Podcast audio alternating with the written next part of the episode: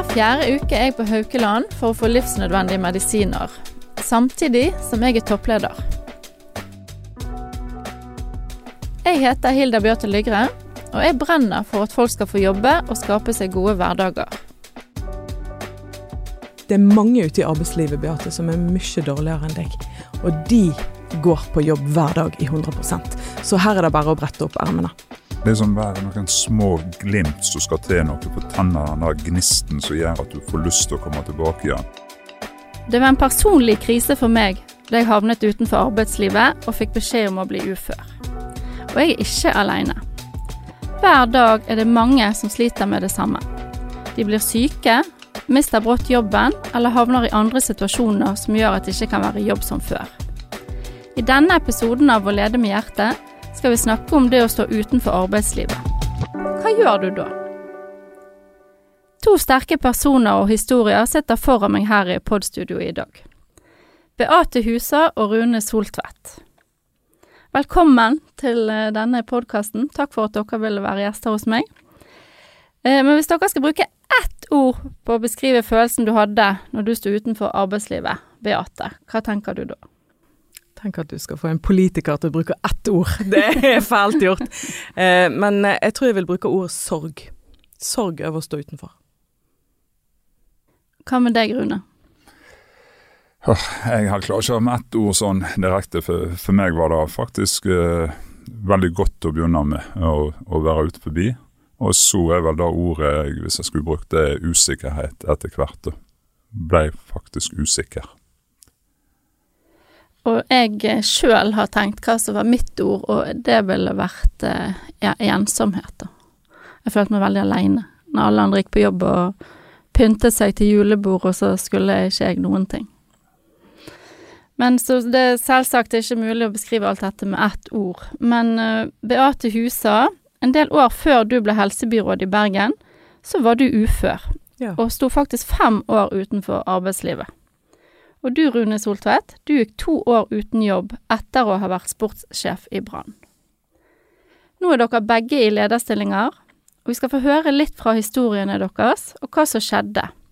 Men først, eh, hva var det første du gjorde når du plutselig sto utenfor arbeidslivet? Hvis vi kan begynne med deg da, Rune. Det første jeg gjorde da var å drikke en kaffekopp som smakte bedre enn noensinne. Det husker jeg veldig godt. Og så gikk jeg meg en lang tur på fjellet. Og, så, eh, og jeg var veldig usikker, da, for jeg alltid var en rastløs person. Og det skjedde jo veldig brått med meg når jeg eh, slutta i Brann. Og jeg har aldri hatt liksom ro i meg i kroppen. Jeg har alltid liksom spunnet videre til nye ting hele tida. Men jeg fant en ro med en gang, og den klarte jeg faktisk å reflektere over allerede første dagen jeg satt med kaffekoppen og gikk på fjellet. og Da tenkte jeg at uh, dette er faktisk bra uh, for deg. For at jeg hadde hatt en jobb som var veldig veldig stressende. Mm. Uh, og da å kjenne liksom sånn ro allerede etter dag én, det var noe som var veldig godt. Da Da kjennes det kanskje ut som at det var riktig, på et vis. Ja, men samtidig så var jo det ikke rett. For at jeg trivdes jo veldig godt i den jobben. da, Å være en del av Brann, det var eh, en drøm. og ja, i ettertid så er jeg bare utrolig takknemlig for det. For at jeg, jeg mener sjøl, det er jo sikkert mange som mener det, men eh, jeg har hatt eh, jeg tror den gøyeste jobben som går an til å ha. For da til å være sportslig leder i Brann, det var rett og slett futt og fart hele døgnet, og så mye gøye oppgaver og så mye fine folk, og da liksom skal prestere hele tida. Og så tror jeg da at når jeg da innså at det begynte å nærme seg, og at en, eh, vi kom til å avslutte det, eh, så var det heller da at jeg klarte å ha den takknemligheten òg som gjorde at eh, overgangen gikk fint til det jeg skulle komme inn i. da, for at i toppfotballen så er det ofte sånn at det er tid for alt. og uh, Da var tida kommet til meg, og da istedenfor å være bitter eller ja, uh, ha andre følelser, så kjente jeg bare en enorm takknemlighet for at jeg fikk lov til å være en del av det i så mange år. Mm. Men det er nå fint. Men hva tenker du, Beate? Om hvordan jeg følte det når jeg var Eller hva var det første utenfor? du gjorde når du plutselig sto utenfor arbeidslivet? Det som skjedde med meg, var at jeg hadde nettopp fått en liten baby. Mm. Hun, eller han, da. Var, jeg hadde en treåring, og så hadde jeg fått en liten baby som var tre uker. Eh, og vi skulle på besøk til eh, ei venninne, så mm, ungene skulle få leke sammen. Og husker jeg hadde to isbokser stående i framsetet som jeg måtte uh, få i frysen hennes, og det var liksom det som var i hodet på meg. Og så hadde vi stoppa eh, der som vi skulle kjøre inn til henne, det var ei lang slette, det var lav sol. Eh, og han som kom bak, han så ikke at jeg hadde stoppa, enda det var flere sekunder siden. Så han kjørte i meg, og så kjørte det en bil i han igjen. Eh, og min umiddelbare opplevelse av det var jo frykt for at var, ungene mine var skada, og særlig, særlig, denne lille babyen på tre uker, da. Eh, men eh, heldigvis ikke. Men det visste ikke jeg da, så det var en veldig, veldig krevende situasjon. Eh, masse ambulanser og leger og biler og kaos. Og han her lille babyen, han sovna jo fra det hele, så jeg trodde jo han var besvimt, eller jeg var livredd for at han var, var skada. Så det var en uh, dramatisk situasjon. Så jeg tenkte ikke på meg sjøl i det hele tatt i den situasjonen. Og vi ble sendt til Haukeland. Og, men uh, så, i løpet av veldig kort tid, uh, så fikk jeg veldig vondt i nakken. Og det var jo det som på en måte eh, slo meg ut, og uh, du skulle amme, du skulle bytte bleie. Eh, han som jeg var, var, gift med, som var pappa til barna, han jobba i Nordsjøen. Så det ble en veldig spesiell eh, situasjon, men jeg fikk jo ikke noe avklaring knytta til arbeidslivet fordi jeg var i mammaperm. Så det var når jeg skulle begynne igjen etter ca. et år i jobb, at, uh, at jeg så at dette går jo ikke. Uh, og da, så lenge jeg amma, så kunne jeg jo på en måte uh, Da måtte jeg jo ta hensyn til babyen, men uh, når jeg slutta å amme og var tilbake i jobb og alt det der, og kjente på Ja, da kjente man jo òg på at jeg må ha noe sterkere. Så jeg gikk jo på Pargin forte. Det var en veldig, veldig krevende periode med, med små barn. Så da kom jeg jo inn i typ arbeidsavklaring. Men, men, jeg tror jeg kan kjenne meg veldig igjen i det som Rune sier. Den usikkerheten. Hva skjer med meg nå? Eh, som dessverre veldig fort går over i en type følelse av mislykkethet, kanskje. Mm. Eh, og at det er ikke bruk for meg, og at jeg ikke er god nok. Og dessverre òg eh, skam. Ja. Det går veldig fort på selvtilliten. Det går på selvtilliten. Men hva var det vanskeligste med å plutselig stå uten jobb? Jeg kjente meg litt igjen når du sa det der med å pynte seg til julebord. eh, og vite at venner og venninner skal på blåtur med jobben. Bare det at jobb er en del av den daglige samtalen, det er jo en av de første tingene vil gjerne spørre, og det har jeg virkelig øvd meg på å mm. unngå sjøl. Du spør liksom 'hei, ja, jeg heter sånn og sånn, hva jobber du med?' Det er en av de første spørsmålene vi spør. Eh, fordi det er liksom Det er været, og det er jobben, og det er Har du unger? Altså det er sånne ting. Ja, for det er identiteten til folk. Er, ja. Og da blir det sårt Eller det er ikke bare lett å si 'jeg er ufør'. Mm. Og folk du sier det til, blir òg litt sånn usikre. For de liksom 'Å, Guri, men du ser jo helt frisk ut'. Og da er det sikkert noe psykisk, eller du blir Du får et sånt dumt forklaringsbehov. Ja. Så det blir en sånn vanskelig greie. Hva med deg, Rune? Altså, Jeg tror jeg til å forklare litt min historie. da, For at, uh, for det ble jo litt spesielt for meg. for at uh, Nå har jeg fortalt litt krevende jobb og hatt det kjekt. da. Jeg hadde jo samtidig en kone hjemme som var veldig kreftsyk. Uh, så når jeg liksom fikk den muligheten som jeg gjorde, for jeg forhandla jo fram uh, en avtale med Brann som gjorde at jeg slutta og hadde muligheten til å være hjemme en stund, og da var jo i en sånn, og den takknemligheten, for da visste jeg at jeg kunne få være med kona mi som trengte meg. Eh, så for meg ble det litt sånn annerledes, da. Eh, mm. Så jeg fant liksom den roen for at eh, jeg følte at eh, det ble en god prioritering, og jeg fikk den muligheten til å være med henne. Og vi hadde det veldig fint uh, i lag. Uh, og jeg fikk være og støtte opp under henne og sykdommen. Uh, og så uh, skjer jo da at hun blir Da veksler jo veldig, da. Uh, altså hun blir friskere, og så tenker jeg ah, nå må jeg begynne å søke meg jobb. Og så med en gang jeg var liksom fått litt sånn overskudd og, da, og tenkte at ja, men det er kanskje på tide å komme seg tilbake igjen, så fikk hun tilbakefall. Måtte begynne på nye behandlinger. Og da ble det sånn at nei, men nå, må jeg, nå kanskje jeg tenke på meg sjøl og tenke på jobb. Og, da. og dette pågikk ganske lenge. da. Og når det hadde pågått uh, iallfall over et år, så begynte jeg å kjenne på den usikkerheten, da. Uh, for det var helt stille rundt meg. Uh, jeg hadde hatt veldig mye kontakt med folk ganske lenge etter jeg slutta i Brann. Eh, men så merket jeg da at skulle jeg holde kontakten, så var det ofte jeg sjøl som var nødt til å ta Mm. initiativet til det. Og så opplevde jeg da at eh, OK, jeg har jobba med sport i så mange år. Det er kanskje ikke rom for meg i noe annet enn det. Og, og sport hadde ikke jeg lyst til å jobbe med, så de jobbene jeg så på, det var mer sånn lederstillinger i, i næringslivet. Og, og, men så ble det bare eh, vanskelig, da. For, for jobbene var ikke der, og kanskje eh, Og jeg hadde veldig respekt for at det er jo så mange flinke næringslivsfolk som du skulle konkurrere med om de samme jobbene. Eh, og så kjente jeg da på den usikkerheten, og jeg var interessert, og det ikke ble nok oppmerksomhet rundt det. Og så tenkte jeg at ok, jeg er jo bare Hvor gammel var jeg da? Jeg var 51, tror jeg. Tenkte det må jo være noen som har bruk for meg, selv om jeg er 51, liksom. Men jeg tror òg da at jeg klarte ikke å gi helt fullt gass inn i det.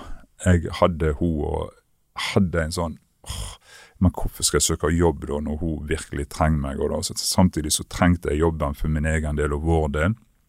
Så det ble bare sånn eh, halvgjort på en måte. Og, og etter hvert så eh, kjenner jo du på det at da, ja, du begynner å lure litt på deg sjøl om du har det som skal til for å komme ut igjen. Og, Ja, Så du òg kjente på det med at selvtilliten synker etter Ja. hvert som man Jo lengre man er ute, jo mindre selvtillit får man.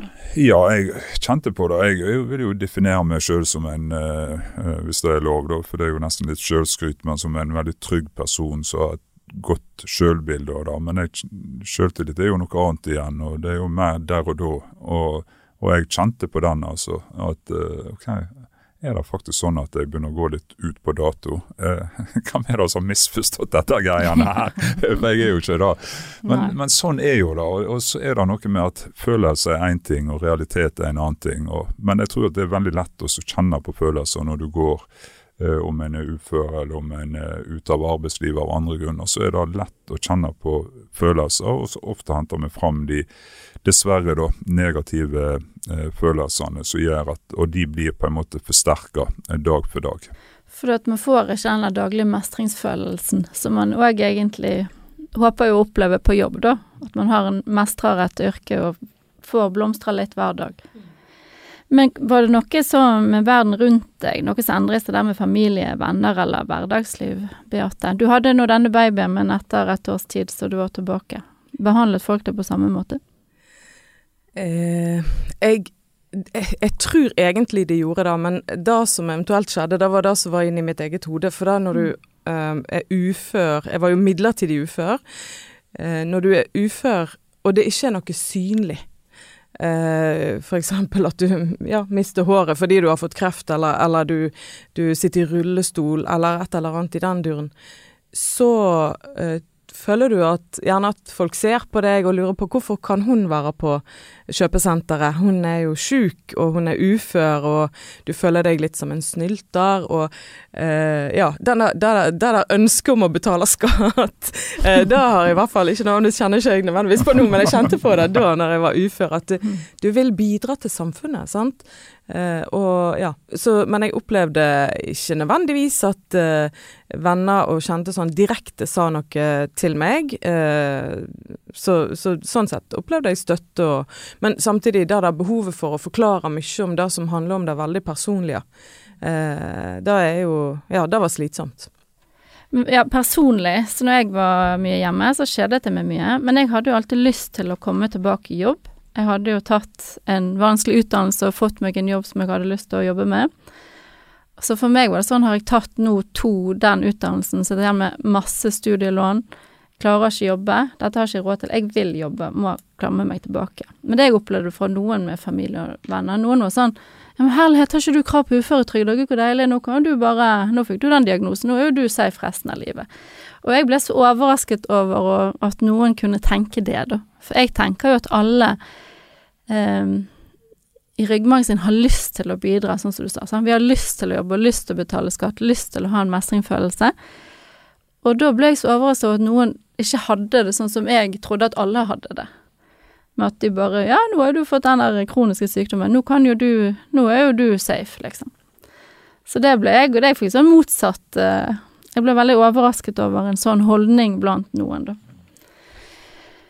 Men det var nå det, var nå det da. Men nå, Beate, nå skal du bli kirkeverge og Ja. leder for alle kirkene i Lillehammer. Det skal jeg. Ja. Men du er blant annet tidligere helsebyråd og ledet Bergen gjennom kommunens krisehåndtering under covid-pandemien. Men det tidligere livet opplevde du da å bli ufør. Du var faktisk ufør i fem år, og så kom du på en arbeidstrening som ble avgjørende for deg. Fortell. Ja, det var veldig spesielt, for det var faktisk bare én setning som snudde opp ned på perspektivene mine, og på hvordan jeg så på meg sjøl. Eh, og det viser bare hvor sterk makt ord kan ha. Eh, for når jeg da hadde vært ufør, jeg var jo delvis i mammaperm og delvis ufør, men det var eh, en periode på fem år utenfor arbeidslivet, med alle de følelsene som det medførte. Og så kom jeg på en plass som heter Designtrykkeriet. Det er kanskje en del som har hørt om Døves trykkeri. Dette var eh, etterløperne etter Døves trykkeri. Og de hadde arbeidstrening, og, og vi satt oss på kurs og skulle lære å skrive gode søknader og alt dette. Eh, og så fikk vi teste oss ut i ulike oppgaver i den eh, bedriften. Eh, og han som hadde oppfølgingsansvaret for meg, han eh, De hadde litt lite folk, dette har jeg fått vite i ettertid, så han var faktisk leder for hele designtrykkeriet. Og han hadde sikkert ikke tid til å dille. Eh, så Rune Kvalheim heter han, og jeg må bare si han er jeg evig takknemlig til. For han så meg, og jeg tror, vi hadde ikke snakket lenge sammen, så sa han Nett som han leste meg, så sa han det er mange ute i arbeidslivet, Beate, som er mye dårligere enn deg. Og de går på jobb hver dag i 100% Så her er det bare å brette opp ermene. Og da kunne, man kunne jo blitt veldig såra. Det er ikke alle som eh, det er riktig å, å, å gi en så krass beskjed. Men jeg, jeg oppfatta at han så meg, og det jeg leste ut av hans beskjed, det var han hadde trua på meg. Han mente at jeg hadde noe å bidra med, og han mente at det var noen ute i arbeidslivet som ville ha bruk for meg. Og den følelsen bare skylte over meg, og jeg bare tenkte wow, kanskje ikke alt håp er ute allikevel. Kanskje eh, jeg kan komme meg tilbake. Og da snudde hele tankesettet, og jeg begynte å søke på jobber. Og etter veldig kort tid etter det, så var jeg ute i en 50 %-stilling. Så da var jeg 50% ufør og 50% i jobb. Og da var jeg i tre år, før jeg eh, tok ferdig en bachelor, og så var jeg ute i lederstilling faktisk som kirkeverge. Så han, eh, han har jeg møtt i ettertid, det er bare et halvt år siden jeg møtte han. Eh, For han hadde jo ingen anelse, jeg sa jo ingenting til han om at denne beskjeden hadde så stor betydning. Og det gikk kanskje ikke heller opp for meg før det var gått lang tid at det var hans ord som De brant seg fast, så fast at jeg husker de ordrett i dag. Men husket han at han hadde sagt Han det til deg? Han husker ingenting av det. Og når jeg møtte han igjen, så visste han jo veldig godt Jeg husker når jeg ringte til han og spurte om jeg kunne få møte han. Da, eh, da sa jeg navnet mitt. Ja ja, jeg veit hvem du er, sa han, for han hadde fått med seg eh, jobben min under pandemien. Men vi møttes på Bergen rådhus, og jeg fikk gitt han en blomst, og NRK var med. Eh, så jeg følte da å kunne gjøre litt ære på han, og, og kanskje samtidig eh, få fram et budskap til andre som kanskje sitter hjemme og, og føler seg mm, Ja, er det bruk for meg? Det er bruk for deg. Og da kan man, føler man seg kanskje litt aleine at uh alle andre klarer, men ikke jeg. Når du hører at det er faktisk flere der ute som jobber, og de er faktisk sykere enn deg, så får man kanskje litt sånn i perspektiv, da. Ja. Men Rune, er dette noe du eller dere i Berett kunne sagt til personer dere har på arbeidstrening? Ja, jeg tror iallfall det er utrolig viktig å signalisere at, eh, at en har tro på de som står ut forbi arbeidslivet. For det er alltid noe i ulike folk. Det er alltid noen som kan bidra. Så tror jeg vi er ikke annerledes, våre historier, med oss tre som sitter her, er ikke annerledes enn andre folk sine historier. For jeg tror folk kjenner på det samme som oss, at en får en usikkerhet, en mister selvtillit. Og så er det kanskje det å få noen som har tro på en, som er med oss og bygger en litt opp. Og, og det er liksom bare noen små glimt som skal til noe for å tenne den der gnisten som gjør at du får lyst til å komme tilbake igjen. Og det er, så jeg tror absolutt da at uh, det kunne skjedd jo oss òg, ja. At uh, de fikk den beskjeden som Beate fikk. Så krast. Ja, jeg tror våre folk eh, Det er noen ulike måter å formidle det på, da. Og jeg tror nok at våre folk veldig flinke, da. Altså de som jobber med de som står ut forbi arbeidslivet i oss. Det er eh, Jeg sa jo det med en gang jeg kom inn i Berett. Det var én ting jeg la merke til eh, på dag én. Her jobber det folk med store og gode hjerter. Det merker jeg veldig godt når jeg kommer inn. Så det kan jo hende at eh, de hadde pakka det inn på en annen måte, men at budskapet var like tydelig, og, og det handler jo om å ha tro på folk, da. Ja, for, det, altså for etter to år så mistet jo du dessverre din kjære kone. Men samtidig så fikk du denne nye jobben i Berett. Eh, og den eh, Det er ikke sikkert alle kjenner hva Berett gjør, for nå jobber du med å tilrettelegge for at andre som står utenfor arbeidslivet skal få komme tilbake. Hvordan er det? Ja, altså det er jo utrolig eh, Først og fremst kjekt da, og motiverende, og, og at en føler da at en at vi som bedrift ja, rett og slett gjør et viktig samfunnsoppdrag. For det er jo da det kommer til når, eh, når en snakker om de som står ut forbi arbeidslivet, at vi er nødt, alle oss som er i arbeidslivet, alle som har mulighet til å påvirke det, at andre skal få komme inn, vi må bruke det for alt det er verdt. Og så jeg har liksom opplevd eh, enorm glede i den jobben, for jeg ser hva det betyr for så mange å få lov til å komme tilbake igjen i arbeidslivet. Og, ja, og kanskje, Det er jo ikke alle som kommer tilbake igjen, sant? men de får iallfall en, kanskje en bekreftelse på at ja, vi duger på mange måter, men eh, kanskje de har ting med seg som gjør at de blir uføre istedenfor. Men jeg tror da at å bli sett og få oppfølging, for de er jo oss i si, inntil et år, Eh, og da de har jobbveiledere, så følger de veldig tett opp. og Det blir stilt krav til de, men det er òg en støtte på veien. Så tror jeg iallfall at du, du, får noen svar eh, om din egen situasjon som er veldig viktig å ta med deg i livet, om det da blir uførhet eller om det blir en jobb. da. Så eh, ja, jeg eh, jeg tenker Nå har jeg vært nærmt noen av de som har stått ut forbi, da. Og det er jo folk som òg aldri hadde tenkt at de skulle jobbe med det som de kommer ut i. sant? Altså, eh, Vi hadde jo en veldig spesiell historie som jeg har nå fortalt før, da, men eh, jeg er en av de som sto ut forbi arbeidslivet, som eh, rett og slett begynte å jobbe med eh, jo de som lagde gravminnet til, eh, til kona mi. Eh, for at jeg, jeg hadde brukt de. De spurte meg om jobben min. Og så sto vi den dagen gravminnet hennes ble montert, eh, så tilfeldig i livet. Så spør de meg hvordan det gikk i jobben, eh, og så begynte vi å snakke om det. og det var, det var en veldig spesiell dag, en spesiell stund.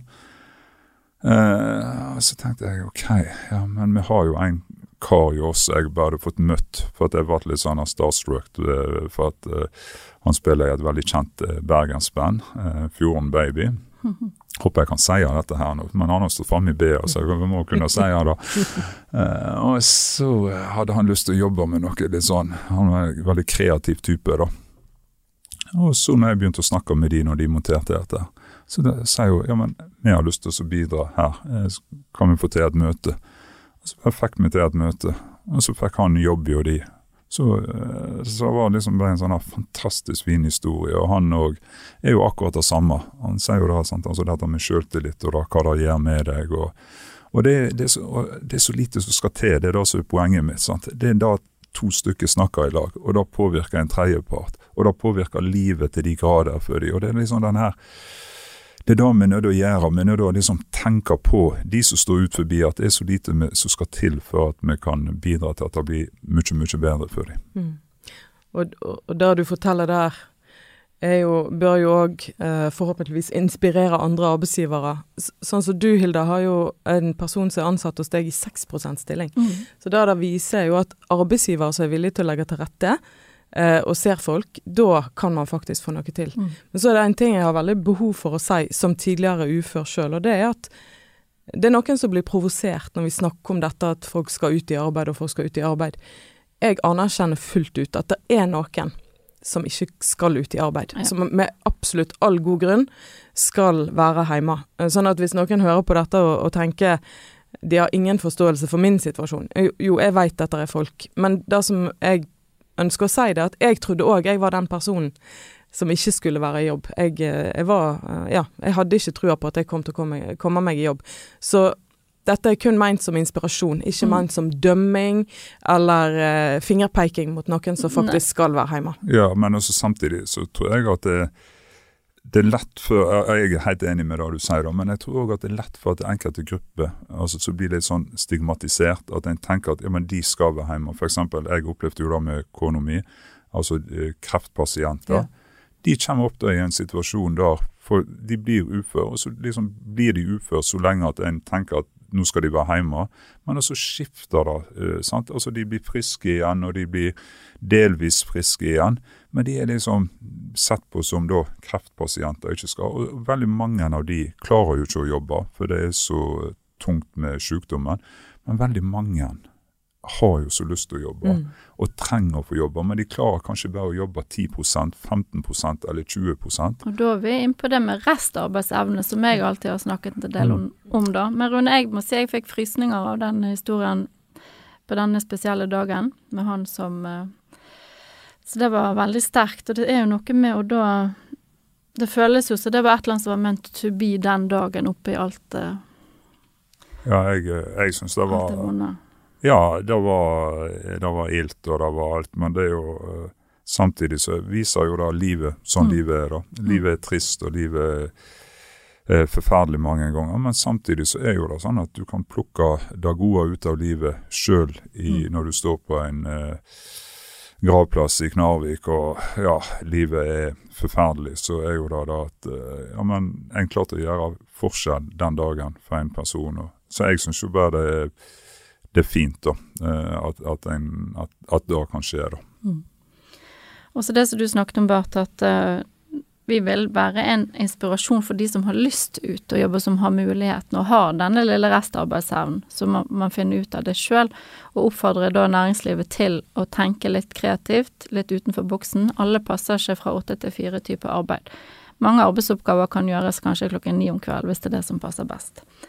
Men var det en som var Nå vet jo vi, Bjarte, at du snakket om han Rune, mm. som var avgjørende for at du kom deg tilbake på jobb. Og det Har du en sånn person? Rune. to, masse Rune her nå. ja, da må jeg si at kona mi som eh, dessverre er død. Eh, definitivt. For at eh, eh, det var mange veldig fine folk da. Eh, tidligere kollegaer i Brann, Camilla Schutz blant annet. Eh, en som er salgsdirektør i Frydenbø, som heter Terje Vågenes. De hjalp meg helt enormt mye, og det var mange som bidro og, og hjalp meg. Men mest kona mi, da. Eh, for at det ble jo en veldig vanskelig situasjon for meg. Og jeg, av alle ting Jeg fikk jo et spørsmål noen måneder før jeg fikk jobben som daglig leder i Berett, om jeg ville være med som eh, ordførerkandidat for Høyre i Halberg. Jeg fikk en telefon. Og da eh, vedkommende som ringte, da han presenterte seg og forklarte hva budskapet var, at de så etter ordførerkandidater for Høyre i Alver, så jeg spurte om han hadde ringt feil. jeg fikk ikke at dette stemmer. jeg har ingen politisk erfaring, men det var noe sånn. Av og til er det bare bra. Nei, og så, så, tenkte jeg at ok, da hadde det vært noe.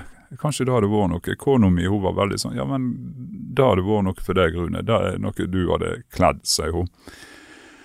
Men så begynte jeg liksom å vege fram og tilbake, og liksom hadde ingen jobb. Eh, det var et, over et år til valget skulle være. Ikke vet jeg, visste jeg om Høyre lå an til å kunne vinne. Og å stå da som ordførerkandidat og yrkestittel arbeidsledig, det frista meg overhodet ikke. Det synes jeg, det var noe jeg tenkte mye på. Mm.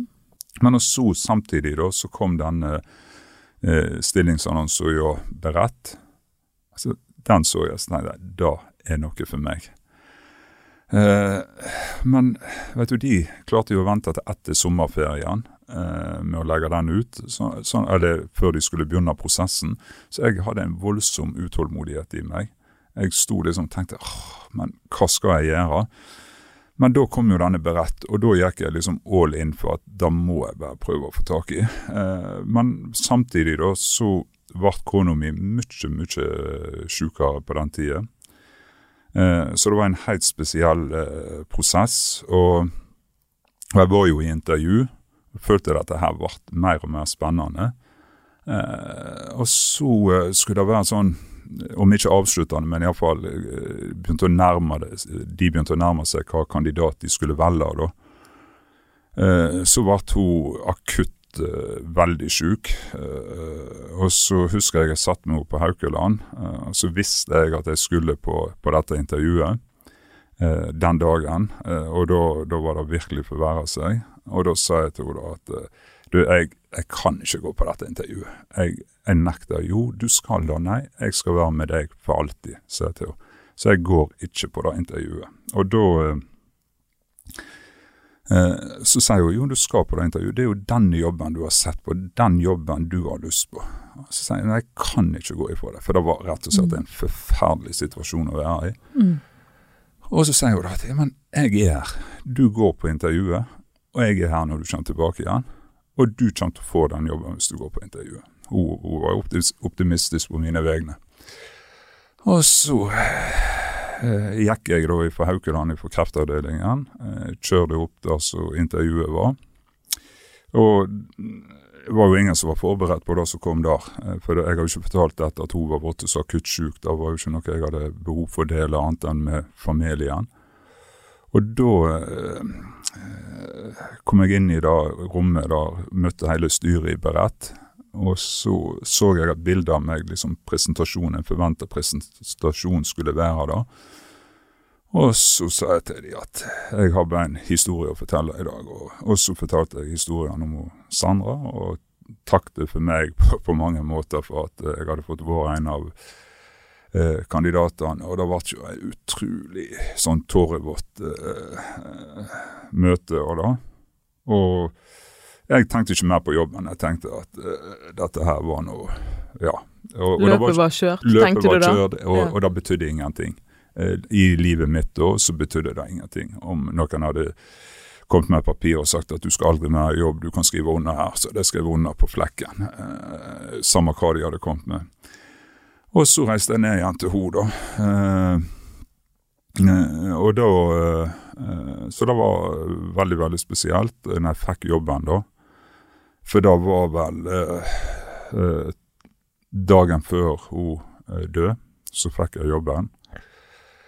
Eh, og da ble det Ja, hva skal jeg si. Det ble, det ble liksom hun som skaffa meg den jobben. Jeg fikk jo en jobb rett, jeg, jeg, er jo klar over mm. det, men hadde ikke vært for hun, så hadde det aldri blitt sånn. Og, ja, og det er jeg utrolig takknemlig for, for det er en, eh, det er en jobb jeg har det helt fantastisk fint i å ha gitt eh, ja, når du skal tilbake igjen i livet, og uh, sånn som livet har vært, så har det vært utrolig godt å ha en så god arbeidsplass og gode kolleger. Ja. Det høres jo ut som at uh, dette òg var ment å bli at hun At hun var som del av den prosessen, er jo sikkert godt for deg nå når du har gått inn i den òg. At hun vet hun, og så fikk hun vite at du fikk den jobben, at hun vet det, liksom. Ja, og det er jo det er jo dette da med livet uh, i det, som jeg sa i stad.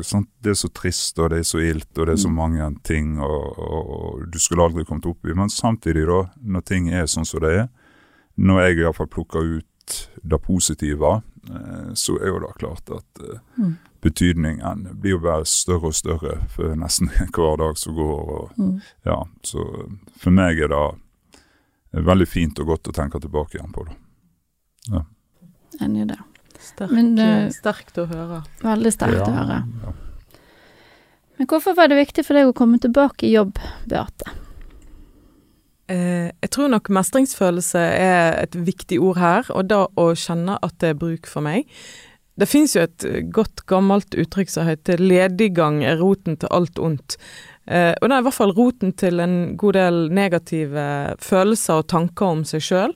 Eh, for meg var det i hvert fall da. Jeg var jo ung på dette tidspunktet, og, og jeg eh, Ja, den, den eh, opplevelsen av å, å, liksom skulle måtte lukke døra til arbeidslivet, det var ikke noe god tanke. Så, så det å ikke oppleve seg utenfor det å være innenfor og vite at du har kollegaer du kan referere til. Jeg husker hvor betydningsfullt det var for meg den uh, første jobben jeg fikk etter uføreperioden. Der hadde de ei, ei, dør der det sto en lapp kun for tilsatte. Dette var nynorskkommunen Sund. Kun for tilsatte. Og så begynte den etter hvert å bli fillete. Uh, men for meg var det sånn Jeg så på den lappen hver dag jeg gikk inn der. Og jeg tenkte åh, jeg er tilsatt her, jeg jobber her. Så når den begynte å bli fillete, så sa jeg til hun i resepsjonen at jeg lager en ny, for denne her er viktig for meg, denne lappen. Du var stolt av det? Eh, Jeg var veldig stolt av å være ansatt igjen. Hva liker du best i arbeidshverdagen din, Rune? Ja, det er mange ting, men jeg tenker først og fremst kollegaene, da. Jeg syns det er utrolig godt å være i et kjempegodt miljø, og betydningen av å ha et veldig godt arbeidsmiljø, sånn jeg opplever at vi har. Da tror jeg er det desidert eh, viktigste. Og så tror jeg òg at eh, Ja, det med oppgave. Sant? Du må få Jeg, jeg tror mange Altså Iallfall fikk jeg reflektert mye om det når jeg eh, søkte etter jobber. Dette med oppgave og stillingsbeskrivelse. Og se heller hva er det så er det de viktige og gode oppgavene som passer meg. Mm. Eh, Framfor at det var en fancy og god stillingstittel, f.eks., eller en eh, jobbtittel. Eh, så jeg tenker oppgave, da. Det er oppgave som passer nå eh, i forhold til, til sånn Ja, det jeg liker, og dette med å få jobbe i, i team og få jobbe sammen med andre folk. Da er, men det er så mange ting som trigger. Det er bare da å komme på jobb og få drikke kaffe eh, trigger meg. altså Ikke at vi vel sitter og drikker kaffe, men Ja, og du, kaffekoppen, liksom. du er glad i kaffen? Ja, veldig glad. Men det som er liksom hvordan vi kan sørge for at færre står utenfor arbeidslivet, det er akkurat dette du jobber med, Rune, da. Hver dag. Mm. Så det er jo imponerende. Men øh, øh, er vi for snille med de som står utenfor, Beate? Reff den kommentaren du fikk den gangen.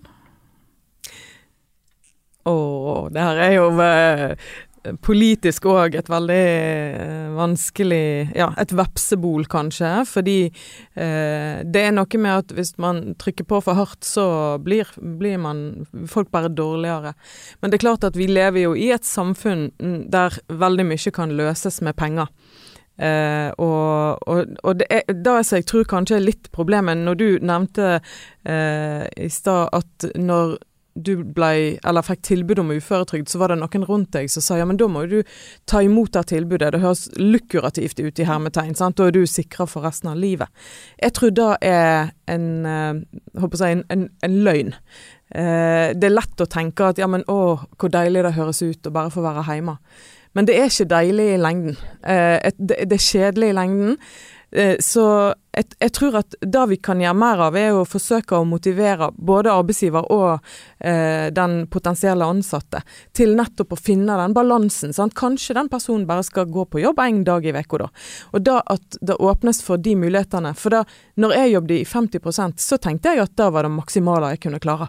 Men så kom jeg i 100% og da viste det seg at jammen klarte jeg det òg. Og så ble jeg byråd i Bergen, og jammen klarte jeg å jobbe 24-7 en periode. Selv om det var, ikke er å anbefale. Men det viser jo hva som bor i mennesket, når du først får lov å oppleve eh, at det er bruk for deg, og at du får mestring. Og mestre, ja. Det, jeg opplevde det samme. Jeg gikk jo tilbake i 50% og så 100% og så til eh, gründerlivet, og så til 24-7, som du snakker om. Men jeg tenker at vi òg Vi er blitt litt sånn institusjonaliserte i Norge. Vi begynner barnehageskole, barnehage, skole. Vi er vant til å bli fortalt hva vi skal gjøre. Men hvis man da, hvis en lege sier til deg ja, men du kan ikke jobbe, eller Altså, man har lov å stille spørsmål ved de beslutningene som blir tatt rundt deg. Hvis jeg kjenner men Altså, det er lov å være leading lady i ditt eget liv. At du må ta, faktisk kjenne etter sjøl. Det er faktisk jeg som bestemmer det i mitt liv. Ja. Ja, så tror jeg det som du spør deg, Beate, om, altså dette er en, en for snille.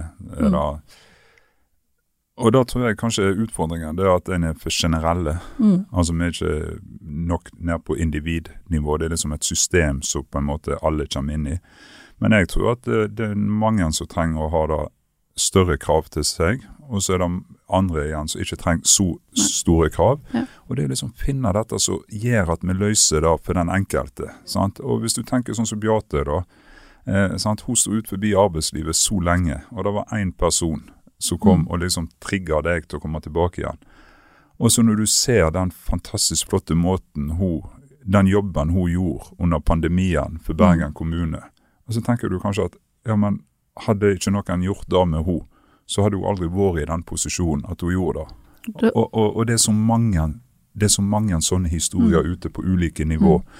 Så det er liksom eh, Ja, da, da fikk meg til å tenke veldig da, på det hun sa. For det, det, er mange eh, Det er ikke mange Beate, det er kun én av deg. Men eh, det er mange eh, personer der ute som kunne fått den samme mm. Da kunne fått den samme effekten før. Da. Mm. Det er bruk for alle, sant? Ja. Jeg er veldig enig i dette at vi må customize, det gjør vi jo med kundene våre. Vi tilrettelegger for den enkelte persons behov. Men sånn eh, til slutt, Rune og Beate, tusen takk for at dere har gjestet eh, podkasten min. Hva tar vi med oss fra dette?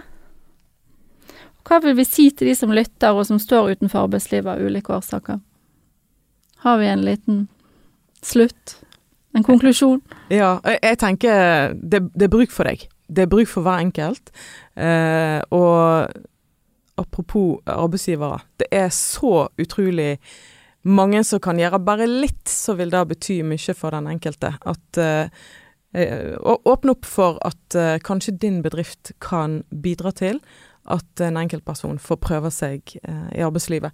Enten gjennom Berett eller andre arbeidsmarkedsbedrifter, eller ved at man tar et initiativ sjøl overfor noen i sin nærme krets som man veit står utenfor. Det er den lille dråpen som kanskje skal til for at den personen kommer seg ut igjen i arbeidslivet og opplever seg sett, om det er én dag i uka, en halv dag i uka eller fulltid. Mm. Det er mange eksempler på at folk eh, faktisk har eh, ja, det som skal til for å være i, i arbeid. Mm. Ja, jeg, eh, jeg, tenker at eh, det er iallfall veldig viktig at de som står ut forbi arbeidslivet, at de beholder true, selv om det er vanskelig.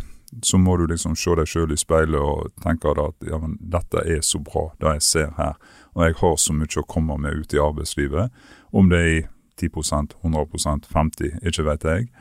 Men, men, det er de, da, og at de beholder trua. Men så tror jeg òg at oss som samfunn, vi har så lett for å tenke på oss sjøl at vi har jobb og vi gjør tingene, men alle kan være med og bidra. Og, og det er jo liksom den oppfordringen både sånn politisk og til næringsliv og det offentlige å rydde plass.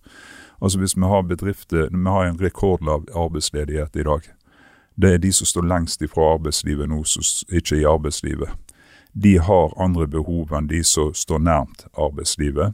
Og da er det kanskje sånn at de, f.eks. i det offentlige, hvis en kun ansetter folk i 100% som en kanskje for en alltid har gjort det, og en tror at det er det rette, så må en begynne å se på hvordan en skal få inn de folkene som står ut forbi, og hvordan mm. en kan bidra med den sosiale bærekraften. Mm. Og det er å legge, å tilrettelegge rett og slett stillinger som gjør at det er rom for det. Og Da tror jeg er nødt til å komme mye mer på dagsorden. For mange tror pga. at det har vært sånn at vi kun skal ha folk i 100 da, men vi er nødt til å legge til rette sånn at vi får flest mulig tilbake igjen i arbeidslivet. Og Dette er jeg helt enig i. Og vi i Nore prøver å gå foran som gode eksempler, og snakker jo mye om dette for å inspirere andre òg. Jeg håper at jeg med denne podkasten kan inspirere flere til å få en bedre arbeidshverdag, og at næringslivet vårt blir bedre på å tilrettelegge for oss som trenger det. Det er så godt å kjenne seg nyttig.